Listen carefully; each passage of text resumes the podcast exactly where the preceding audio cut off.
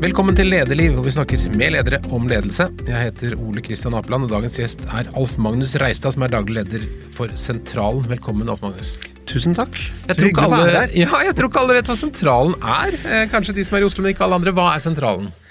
Sentralen er et uh, kulturhus som åpnet 1.3.2016. Det ligger i den gamle bydelen Kvadraturen i hovedstaden Oslo. Det er to bygg som ble rehabilitert sammen, uh, slik at det nå er plass til ca. 250-300 arbeidsplasser for kulturprodusenter og sosiale entreprenører på kontorplassene våre. Og så har vi syv saler og 14-15 møterom som alle kan bruke. Og de salene er ganske morsomme, for dette er en gammel bank? Ja, det er Kristiania Sparebank. Som uh, ble tegnet av arkitekt Christian Nissen, som, som sto ferdig i 1901. Um, interessant nok så var det etter et veldig tøft år, eller tøft tiår i, i Norge. Det var ikke noe særlig penger i, i landet, egentlig. Men, og det har vært et uh, krakk. Sånn at hvordan kunne ha satt man bygget disse monumentale byggene i hovedstaden akkurat da? Jo, selvfølgelig fordi det var en diskusjon med svenskene. Unionsoppløsningen nærmet seg, og det var viktig å demonstrere at man kunne være en nasjon. Og da For dette er et praktbygg? Det er, er ja, ja, det er ja. monumentalt, sånn klassisk stil med søyler. og liksom, Det ser vanvittig tungt og alvorlig ut. Og, og det er eh, det er veldig flott og påkostet, med sten fra Åland og fra Det er marmor, og det er, det er veldig, veldig flott. Og kjempe Det må ha vært en helt vanvittig investering den gang for uh, Sparebanken. Og, så det, det som ble gjort under rehabiliteringen, var at man forsøkte å komme tilbake til 1901, så nær man kunne komme, ved å fjerne alt som er bygget på i de 100 årene, 115 årene som hadde gått siden det ble bygget. Sånn at arkitektene som sto bak rehabiliteringen, Kimo Arkitekter Oslo Atelier, deres, deres beskjed til eh, bygningsarbeideren var skrap dere inn så langt dere kommer. Eh, og når dere ikke kommer lenger, så stopper vi. Da, da er det ferdig. Og det, det betyr at det, arkitektoniske uttrykket kan, for de som kommer på sentralen første gang, fremstå som ganske sånn røft og rått og uferdig. Og, men det er meningen, da. At man skulle rett og slett eh, fjerne alt av historisk eh, påbygg og komme tilbake til opprinnelige. Og hovedsalen, altså marmorsalen, det er den gamle bankekspedisjonssalen? Altså det, det, var bankfilialen. Det var der kundene kom inn for å sette inn penger og ta ut penger. Og det er den største salen vi har i dag. Så der brukes eh, Altså den brukes i dag. Når vi sitter her, så er det et stort internasjonalt uh, reiselivsarrangement som foregår over hele verden. Det startet i Asia, er nå i Europa og bl.a. hos oss. Og så skal du videre over Atlanterhavet til USA. Og, så har du smårom som også er bankpreg? Ja. Det er bankbokshvelvet.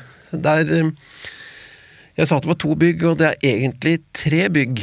Um, og det tredje bygget er et bygg i uh, det gamle bygget, og det er bankboksene. Det var fem etasjer med bankbokser. De to øverste ble rehabilitert til en sal som vi bare kaller hvelvet. Der er det eh, solide hvelvdører i solid stål. Og, og, veggene er jo Jeg tror de er 70 cm tykke armerte betongvegger. Og de er armert med togskinner. Altså Det er ikke sånn vanlig armeringsstål, det er togskinner som ligger i veggene.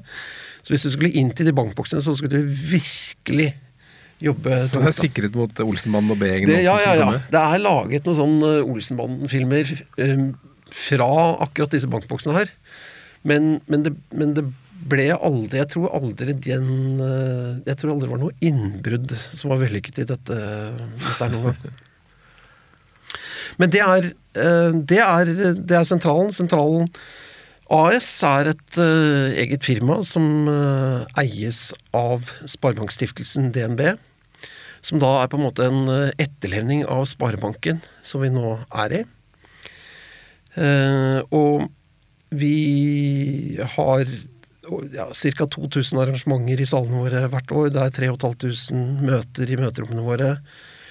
Det er kafé, det er restaurant, det er Ja veldig høy og veldig morsom og variert aktivitet. Og Sparebankstiftelsen DNB betaler for all moroa, nesten. De har betalt De kjøpte bygget av banken DNB når de bestemte seg for at de skulle bygge eh, et nytt hovedkontor nede i Bjørvika i Oslo. Og det var i 2007, og så, så de kjøpte det bygget for jeg tror 300 millioner kroner. Og så brukte de perioden fra 2007 til 2011 med å undersøke hva er det Oslo trenger, hva trenger kulturlivet i Oslo og i Norge. Masse spørreundersøkelser og intervjuer, og man tok folk med inn på huset og sa hva ville du gjort hvis du skulle bestemme over dette huset? Hva hadde du gjort da? Og så eh, Hva eh, hvem, hvem, andre bør vi snakke med? Jeg tror det var egentlig de to spørsmålene som ble stilt. Og ut ifra det så fikk man da nye tråder til folk man burde snakke med. Og så ble det egentlig da silt ned til det, det behovet som avdekket seg, nemlig at det var behov for et hus hvor kulturprodusentene, de mindre kulturprodusentene, kunne samles på ett sted hvor de har administrative fellesskap i åpne kontorlandskaper. Og at vi skulle ha saler og møterom som var fleksible og, og, kunne brukes til nesten hva som helst. Og det, det har fungert fint. Mm. Og Sparebankstiftelsen eier, jo del, eier, jo da en del av, av det børsnoterte selskapet DNB, får utbytte. Så det ligger i kortene her at de skal ikke tjene noe særlig på sentralen? Det, det er ingen inntjeningskrav til sentralen fra eier, men vi skal heller ikke koste penger. Sånn at Sentralen Oslo AS er et aksjeselskap. Vi skal drive næringsvirksomhet. Og det betyr at vi skal drive balanse eller pluss. Um, og um, når vi startet opp, så sa vi at det skal vi klare i løpet av 1000 dager. Og det klarte vi.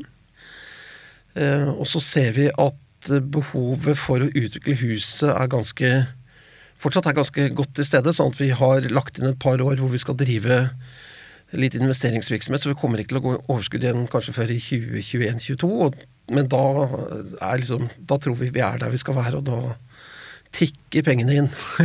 vi skal snakke mer om fremtiden, men fortell eh, din vei til eh, lederstolen da, i sentralen. Hvordan har du havna der? Ja, den um du er jo utgangspunktet ikke den typiske lederutdanningen. Nei, altså jeg er jo utdannet musiker eh, tilbake i det forrige årtusen. Jeg har gått eh, fire år på Østlands Musikkonservatorium og et år eh, på Guildhall School of Music and Drama i London. Og så spilt bratsj? Ja, og spilt bratsj, ja. Jeg, eller spiller bratsj. Eh, og ja Altfor lite, ifølge min kone. Men uh, hun er veldig glad i det, at jeg spiller. Da. Så jeg lovet henne at hun skulle få ti små huskonserter i år til jul. Jeg ligger ti etter. Så det er litt å ta inn, da. Nei, men Nå er det sommer og bedre tider. Det er sommer, Vi får satse på at, at det blir bedre. Men, men um, Men veien da fra bratsjist ja, fra bratsj, til så, utledelse? Så var det, nei, men så det, det, var jo veldig tilfeldig at jeg kom inn på det studiet. Uh, så veldig mange sikkert også kjente seg. Det var en av mange muligheter jeg hadde. Jeg skulle egentlig bli noe helt annet, selvfølgelig. Eh, men når jeg kom inn på studiet, så jobbet jeg jo knallhardt for at det skulle bli noe av det. Og jeg var i et studentmiljø på eh, Musikkonservatoriet som var helt vanvittig bra. Det var 25 strykerstudenter i den uh, klassen som Altså, i dag sitter de i ledende posisjoner i hele Norden, rett og slett, i orkestre og strykekvartetter overalt. Så det var et helt fantastisk studium. Uh, tøft og hardt og veldig ubarmhjertig. Uh, I forhold til tilbakemeldingskultur så er det sånn at du hører publikum som klapper på konsertene nå, men du hører ikke læreren som står og skriker på, på øverrommet. men, det, men det, det, ledet meg inn i en jobb i Oslofilharmonien som den gang i hvert fall het orkesterregissør. Og Uh, altså, jeg valgte vekk det å spille selv, for jeg, jeg, merket at jeg hadde rett og slett ikke tålmodighet til å sitte i et orkester. Du vil heller stå og kjefte? Ikke nødvendigvis stå og kjefte, men, men, at jeg merket at den den litt langsomme eh, Det er for meg i hvert fall litt sånn langsomme livet å sitte i et orkester og prøve på eh, en symfoni dag ut og dag inn, det gjorde meg urolig. Eh, at jeg, jeg hadde for mye krefter på en måte som jeg ikke fikk brukt. Og så dukket muligheten i Oslo-filharmonien opp, og det var helt uh, perfekt for meg. Da kan man si Lederveien da er eh, Den starter egentlig med et nærstudium i russisk kulturledelse, for sjefdirigenten i Oslo-filharmonien var Maris Janssons. Um, som hadde uh, helt ekstreme ambisjoner både på egne og på orkesterets vegne, og dro det jo til verdenstoppen, rett og slett. Han hadde null toleranse for avvik. null! uh, og han hadde, han hadde på en måte to retningsgivende setninger som han brukte i sin ledergjerning, og det var Who is responsible? Altså, hvem er ansvarlig? Og how is possible? Eh, det, hvordan, kan, hvordan, kan, det være mulig? Men det fungerte jo. Det fungerte som en kule. Um, og uh, altså, how is possible kunne brukes på mange forskjellige vis i mange ulike tonefall. Litt uh, avhengig av hva som hadde skjedd. Så litt sånn oppgitt How is possible? Is it a law in Norway? og så noe som fulgte med, da. Alle som, de som hører dette, og som jobbet i Filharmonien under hans eh, periode, de husker dette med glede. Um, Men ble han da en lederinspirasjon for deg? Ja. Eh, på godt og på vondt, på en måte, for han jobbet seg bokstavelig talt i hjel. Altså, han dirigerte jo på seg et hjerteinfarkt på scenen under en Eh, konsertant operaforestilling i uh, lurer på om det var 1998. Altså, uh, altså en forestilling han hadde antakelig Han hadde ikke sovet på ukevis pga. det.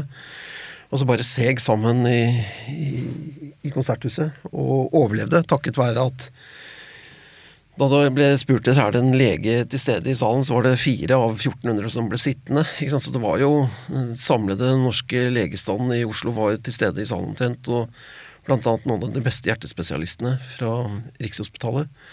Så han eh, hadde flaks. Eh, overlevde. Um, men, men, det som først Altså, det som først og fremst jeg kanskje lærte av han, var å, at settes helt umenneskelig høye krav og mål til hvor man skal, um, som selvfølgelighet.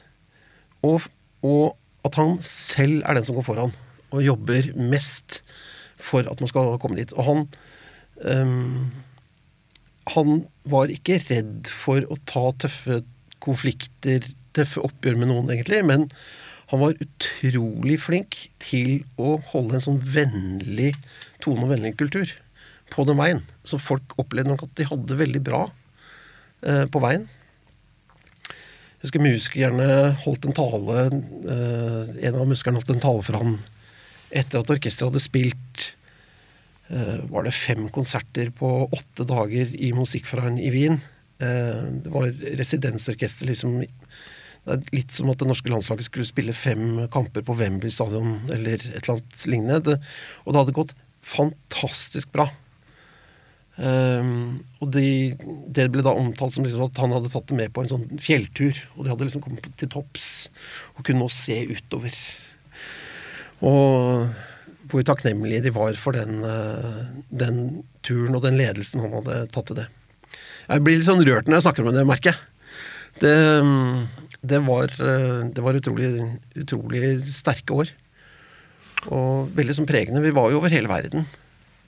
Og Hvor gikk turen videre for din del? Den gikk til eh, NRK. Mm.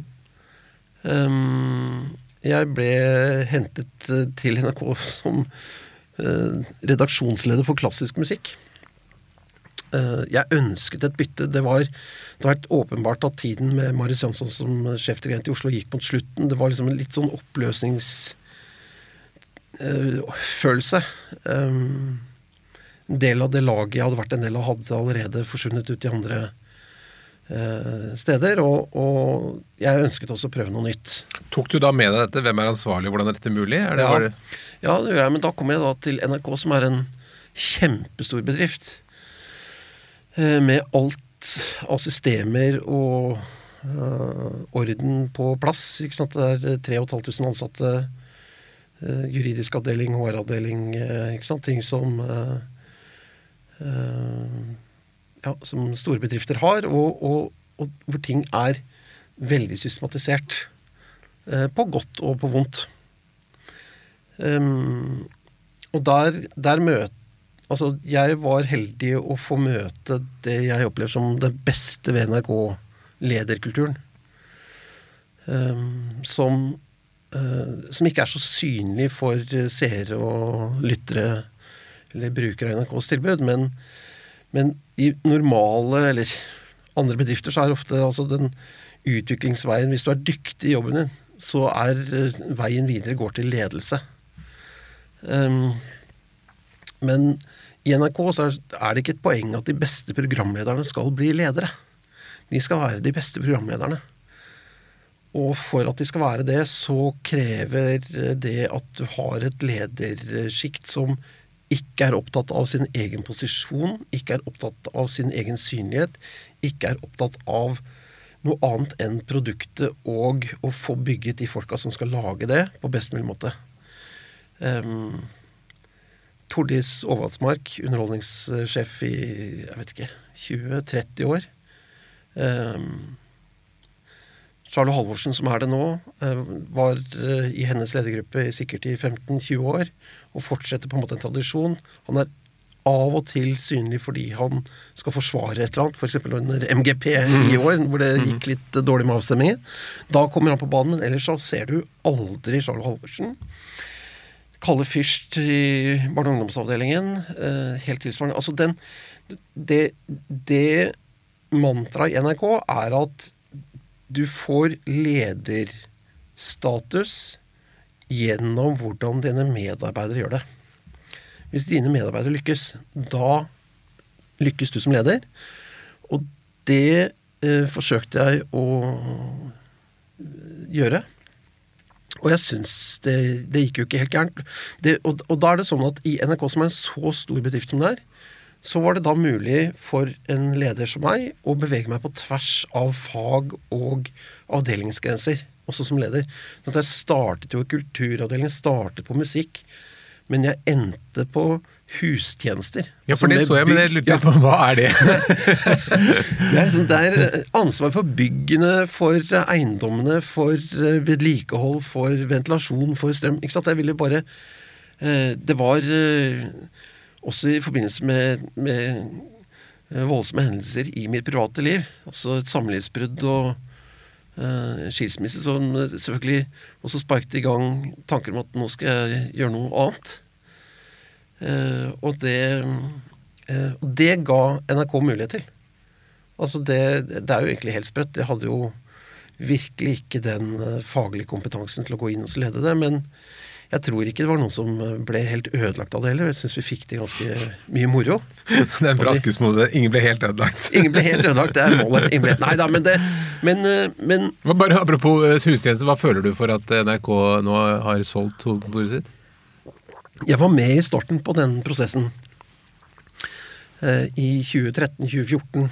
Um, og det Det tok utgangspunkt i Altså, det blir undersøkt i forhold til hvordan er det å samhandle innenfor NRK på Marienlyst. Det er over 2000 ansatte. Det er bygget ett bygg i tiåret siden 1930. Og de bærer preg av at jeg har ulik byggkvalitet, ulike behov for vedlikehold. Kjempekostbart å vedlikeholde. Det er lange ganger. Det er utrolig mye gangareal og fellesareal som ikke brukes til noe som helst. Så det er veldig ineffektive arealer for mediebedrift. Og så eh, kan, kan man jo alltid diskutere om det overspilles det at avstander gjør at man ikke klarer å samarbeide mellom avdelinger i den bedriften. Men, men i hvert fall var det et tydelig ønske fra eh, både medarbeidere og ledere at man, man, man ville gjerne eh, ha et bygg som f.eks. BBC da hadde fått seg i London. Mye mer sånn samlet, mindre, tettere. Og det Da ble det gjort masse utredninger. Ja, men hva er, eh, hva er det beste med marinlyst? Og da husker jeg at på en skala fra 1 til 10, så var beliggenheten skåret til 10. Altså den kunne ikke ligge bedre enn på Marienlyst, fordi du har nærhet til sentrum, du har nærhet til kildene, men du har også nærhet til å komme ut. Altså hvis du skal rykke ut på en hendelse utenfor byen, eh, så, så er Marienlyst opplevd som en veldig sånn fin plass. Men så det er et arbeid som har pågått i ja, snart sju år. De, det var ikke så mange som arbeidet med det, men, men det har, dette er som veldig mye annet eh, i NRK godt planlagt. Mm. Men siden du da kommer fra led, altså Du gikk jo da fra avdelingsleder for hustjeneste på NRK mm. til, til, til et hus, da. Ja. Eh, Sammenhengen mellom en bygningsmasse og en virksomhetskultur, hva tenker du om det? Det tror jeg har veldig mye å si. Ehm, altså Grunnen til at jeg kom fra NRK til, til sentralen, bare for å ta det først, er at jeg hadde eh, I kulturavdelingen som, som musikksjef hadde jeg ansvar for Kringkastingsorkesteret. Så jeg hadde ansatt Martin Eia Revheim som orkestersjef i 2008-2009 eller noe sånt nå. Så vi hadde jobbet sammen et par år der før han forsvant eh, videre. Og han var da i 2014 så var han i Sparebankstiftelsen og ansvarlig for Sentralen-prosjektet.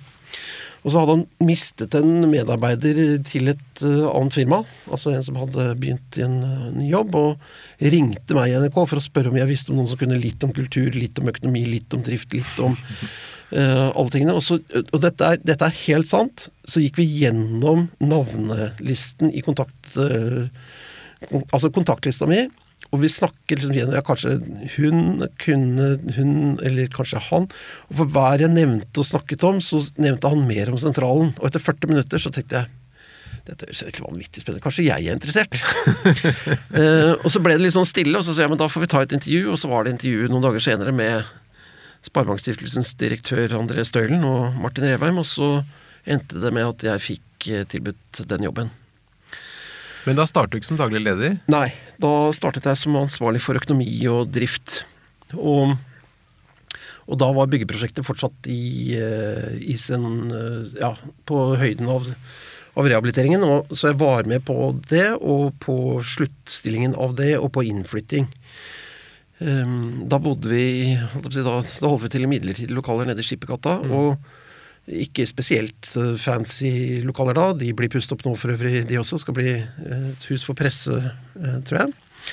Men, men der var det da en pilot med noen av disse kulturprodusentene og sosiale entreprenørene for å teste ut hvordan skal vi som vertskap for disse eh, få det til å fungere godt. Men tilbake til spørsmålet. Ja. altså Bygningsmasse og kultur. Hvor mye betyr tror jeg, liksom, rammeverket som en bygning gir for hvordan innholdet blir? Det betyr veldig mye. Altså, jeg, jeg, for å sitere fra en medarbeidersamtale jeg hadde i dag, så, så sentralen kan virke litt intimiderende og skremmende på nye medarbeidere, fordi det er så massivt og flott og prangende og full av historie at folk kan bli litt eh, ærbødige og, og stille av det. Eh, og det sånn jeg, jeg tror at man kjenner på at man kjenner veldig på den stemningen som er i et bygg, og at det selvfølgelig preger hvordan en bedrift blir. Um, Er det farlig at NRK mister noe når de forsvinner fra Marienlyst? ja, det absolutt. Eh, Det er det, men, men de tar jo med de viktigste tingene de har, og det er jo folka som jobber der. Mm. Men at, at det er klart at eh, radiobygget på Marienlyst eh, Du får ikke noe sånt i dag. Det går ikke an å bygge omtrent. Eh, så det å gå inn, eh, særlig i Radioresepsjonen, gir litt av det samme preget som jeg mener du får når du går inn i, i sentralen. og så kommer tilbake til en annen tid med flott arkitektur, masse stein og edle tresorter, og det er liksom så fint og forseggjort. Og i, i NRK så tegnet jo arkitekten også møblementet, ikke sant. Så det, det er jo original eh, møblement fra 1930-årene som fortsatt eh, er der. Nå er jo heldigvis blir jo mye fredet å ta vare Ja, på. Ja, sånn. det blir fredet å ta vare på. Men da du i, i fjor i januar så, så overtok du sjefsstolen på sentralen. Ja. Uh, vil du da fortsatt være Maris Jansson, eller har du utviklet deg underveis? Nei, altså jeg eh, altså Når vi startet i 2016, 1. mars 2016, så hadde vi, jo, hadde vi jo forberedt oss på det som skulle komme, trodde vi. Eh, vi hadde liksom Ja, du, nå kan du, Vilde, du kan ta deg av booking hvis det er noen som ringer og vil bestille noe rom eller møterom. Og så Altså, vi hadde liksom fordelt oppgavene litt og hadde jo ikke peiling på hvordan dette ville eh, treffe markedet eh, der ute. Og vi hadde heller ikke tenkt på det at vi hadde jo 100 leietagere, 100 organisasjoner innenfor kultur og sosialt entreprenørskap, som nå skulle flytte inn i dette bygget, og som så ville fortelle alle sine både venner og kunder og publikummere om at sentralen åpnet. Eh, så kort fortalt, så etter en uke så lå booking Hun lå og gråt, telefonen ringte overalt, det sa pling i mailer. Det var helt komplett kaos. Eh, så, så det eh, Så det var et fantastisk år i 2016. Enormt mange store, flotte arrangementer. Og så, når jeg overtok daglig ledelse etter at Martin Revheim gikk ut i en permisjon, så så tenkte jeg hva, hva, hva, nå? Hva videre? Hva trenger vi? Og da var min analyse på bakgrunn av de intervjuene vi gjorde med brukere og eh, ja, eier, og også diskusjoner i, i medarbeiderstaben, var eh, ja, ga ganske klare svar på det. At det var noen ting vi fortsatt måtte utvikle på sentralen i forhold til hvordan vertskapet vårt fungerer. Hvordan vi tar imot folk og hvordan vi tar vare på folk. Og sørger for at uh, de som kommer til sentralen, lykkes med det de skal lykkes med. Og, og, når du har så stor suksess som vi har hatt siden 2016, så kan man bli man kan bli litt fornøyd. Man kan bli litt passiv. Man kan bli litt uh, arrogant. Um, altså, sånn at det var kanskje det vi først og fremst røska litt opp i fjor, var å å få liksom brøsja litt opp eh, selvbildet. At vi er ikke verdensmestere. Vi har ganske mye å gå på. Eh, vi har ikke et godt nok eh, kundefokus. Vi snakker ikke om kunder engang. Vi snakker om beboere, brukere, arrangører, men altså de er faktisk kunder. De kommer og betaler for noe vi skal levere. Sånn at rett og slett å få en det, det er, Kanskje høres kjedelig ut, men, men få en litt mer sånn merkantil Eh, tilnærming til det vi faktisk driver med. At det er, det er, Vi driver med salg, vi driver ikke med booking. Det er salg. Og salg, da må du komme i kontakt med noen som har et behov, og sørge for at de forstår at det behovet det blir møtt mm. bra på sentralen. Dette har jo vært et veldig vellykket prosjekt med som du sier, masse arrangementer og stor aktivitet både blant leietager og, arrangør. Mm. og den men, men, så endret jo alt seg nå i, i vår med korona. Hva, hva har nedstengingen av Norge betydd for dere? Veldig mye. Og veldig mye bra. Eh, og det må jeg takke egentlig først og fremst Christer Falk for, eh, fordi det var han som satte det i gang. 12. mars så mistet vi jeg tror det var 450 booking, nei, 540 bookinger som bare raste ut som kanselleringer i løpet av liksom tre timer. Alt ble kansellert. Og eh, i første omgang fram til påske i april. Um, jeg tenkte at ja, ja, det, altså, Min analyse da var så svak at jeg nesten ikke tør å fortelle det. Men jeg tenkte, jeg tenkte at ja, uh, vi Nå sender vi alle hjem uh, på hjemmekontor, og så uh, prøver vi også å rydde litt i kundelisten vår, og så er vi vel tilbake etter påske. Det var det jeg tenkte. Og så kan vi få, kan vi få slipt noe gulv og få ordna litt på huset, for det trenger vi. Det er, vi kan benytte tiden til det. Eh, sånn ble det jo ikke. Så det var jo torsdag regjeringen stengte huset eh, og hele landet. Og lørdag morgen, mener jeg at det var Ja, jeg tror det var lørdag morgen, så ringte Christer Falk til meg. Han ringte ikke meg først i byen, men han ringte til slutt til meg og sentralen fordi vi hadde ikke stengt. Det hadde de andre. De hadde stengt huset og sendt folk ikke bare hjem, men i permittering. Han kom til oss fordi vi var i virksomhet og hadde den ideen om koronarulling. Rett og slett at hva kan vi gjøre for å hjelpe de musikerne som nå har mistet 100 spillejobber fram til sommeren, og som ikke har noe sikkerhetsnett. Um, halve årslønna deres er borte, minst, og det er veldig mange som nå er veldig usikre. Og dette var før det var noen pakker på plass. Um, sånn at da øh, Jeg skjønte når han ringte og fortalte at dette måtte vi bli med på. Uh, og i forhold til ledelseskulturen min, så tror jeg at uh, jeg bruker nok hodet, men jeg bruker også magen. Altså Jeg kan kjenne det i magen når noe er riktig, og det her var bare Yes, dette er riktig. Jeg kjenner ikke Christer Falk noe godt fra før. Jeg traff han liksom et par eh, ganger i NRK-perioden min, men jeg har aldri hatt noe personlig forhold til han tidligere. Og så satte dere i gang, da? og bare... Ja. Vi hadde litt diskusjon internt eh, hos oss hvordan eh, For det første, eh, skal vi gjøre det? Var, det var jo et spørsmål. Um, rundt den 15.-16. mars så var alle veldig redde. Mandag 16. mars hadde vi et møte om dette. Det var ulike meninger om det. Det var, det var ganske hard motstand hos enkelte.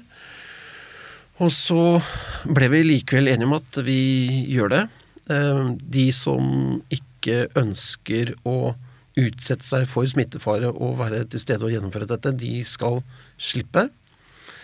Eh, vi andre vi eh, tar alle forhåndsregler, lager sikkerhetsinstrukser og følger de, og sørger for at det er sånn desinfiserende middel og håndvaskmuligheter overalt. Og dette var konkret altså en serie med konserter som gikk på Facebook med innsamling parallelt? Ja, Facebook og YouTube. Mm. Sånn at uh, vi fikk i gang på veldig kort tid så fikk vi i gang en uh, videoproduksjon og lys og lydteknikker eh, på plass. Og, og, det ble produsert 83 konserter i den, altså under den overskriften koronarulling. Mm. Og så kunne folk bidra på Spleis eller på Vips eller på mm, Strex, altså sånn SMS, sende SMS til 1990 og bidra med 100 kroner. Og pengene tøt jo inn, disse artistene. Eh, sånn at de første ukene hadde noen av artistene de best betalte spillejobbene de noensinne har hatt. Eh, Enda det var helt frivillig? Det var helt frivillig. Det var helt frivillig, Men det var på en måte en, en situasjonsfornemmelse i hele landet Eh, som, som, traff også musikerne på en veldig positiv måte. At det var et reelt behov. Og så var det sånn at så kom flere og flere aktører på banen. Svære festivaler, fantastiske festivaler som ble arrangert i påsken. I eh, Bergen, i Stavanger, eh, i Oslo. Så, så, vi tenkte egentlig at det kanskje er vel greit at vi holdt på til påske. Men så var trykket fra musikerne så høyt at vi tenkte ok, men det er ikke så mye som er planlagt etter påske. Vi fortsetter. Og da fortsatte vi til 28. april. Og, øh, og da så vi selvfølgelig at, at, den interessen for å bidra som var i de første ukene, den dabbet av. Men det holdt seg bra helt til siste konsert, som var med Åse Kleveland. Mm. Um, Men det, gjennom dette så ble dere kastet da ut fra den ja. analoge til den digitale ja. hverdagen, og det, og det ga mersmak? Ja. Uh, ja, det gjør det jo, fordi uh, et, av, et, av, de tingene Eller en av de tingene som er utfordrende med sentralen, er at hovedsalen vår, Marmorsalen, den er ikke spesielt stor. Det er ikke en kjempestor arena i Oslo. Uh, det er fire-fem saler i Oslo som kan ta 1500, og så har du Spektrum, og så har du Telenor Arena på Fornebu utenfor byen. Altså, sånn at, at vi er ikke et attraktivt sted for de største artistene som selger mange billetter. Men når vi kan utvide salgskapasiteten til også å handle om betalende publikum på nett, eh, så begynner det å bli interessant. Og da har dere begynt å utvikle nye løsninger? Ja.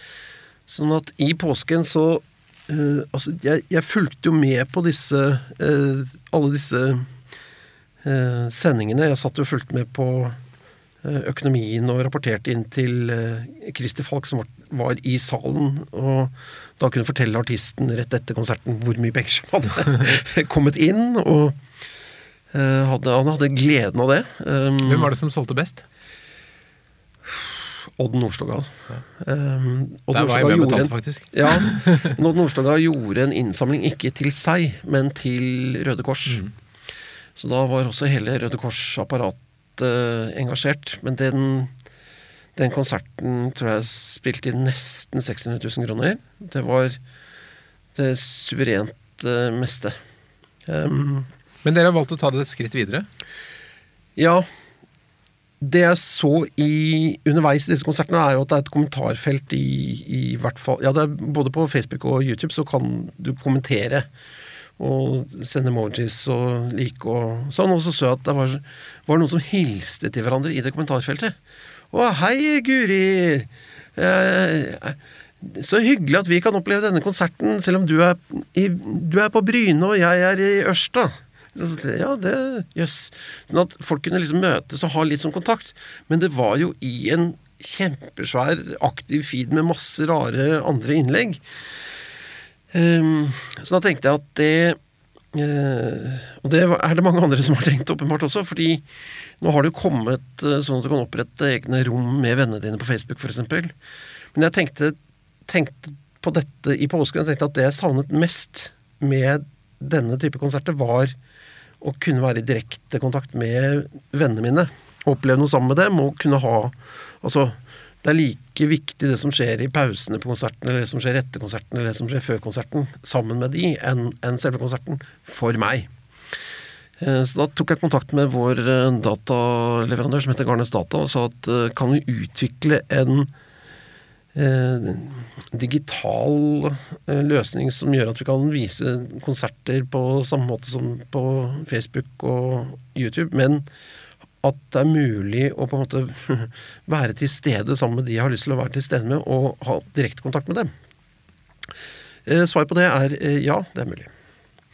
Og det har vi jobbet med siden. Sånn at eh, det, vi, det som vi har fått laget, er en løsning hvor vi har laget 3D-modeller av salene våre, og hvor du kan gå inn Du velger deg en avatar, og så går du inn i den, den salen, og der kan du møte eh, vennene dine og snakke med dem. Altså Du må sitte med headset og være foran, foran en skjerm, men det er litt som den online eh, gamingen som ungdommen driver med. De sitter og prater med hverandre på eh, lange avstander og spiller sammen. Så det, det, er ikke noe Det er ikke, det er ikke akkurat genialt uh, funnet opp, men, men, det fungerer bra, og det finnes ikke. Dette finnes ikke. Eh, har vi oppdaget. Så man kan faktisk da sitte hjemme i godstolen og samtidig være på konsert med venner og henge ja. rundt? Ja. Det er det du kan. Så du kan, du kan fortsatt velge hvem du vil gå sammen med. så Du, du trenger ikke forholde deg til en haug med ukjente mennesker. Du kan også gå i baren i denne løsningen her og treffe ukjente folk og prate med de. Eh, vi har hatt, eh, vi har hatt et par forsøk med utstillinger og festivaler hvor hvor vi ser at interaksjonen rundt et innhold noen er, altså har ansvar for sjøl, glir veldig lett. Altså Hvis de skal vise fram Her er prosjektet f.eks. vi eh, er ansvarlig for, og vil gjerne snakke selvfølgelig om det de er opptatt av. Da er det veldig lett å skape interaksjon mellom folk som ikke kjenner hverandre fra før.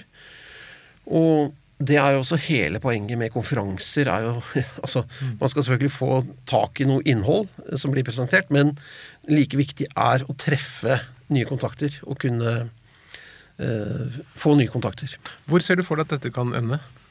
Det tør jeg ikke tenke på engang. Det kan bli helt uh, sjukt svært.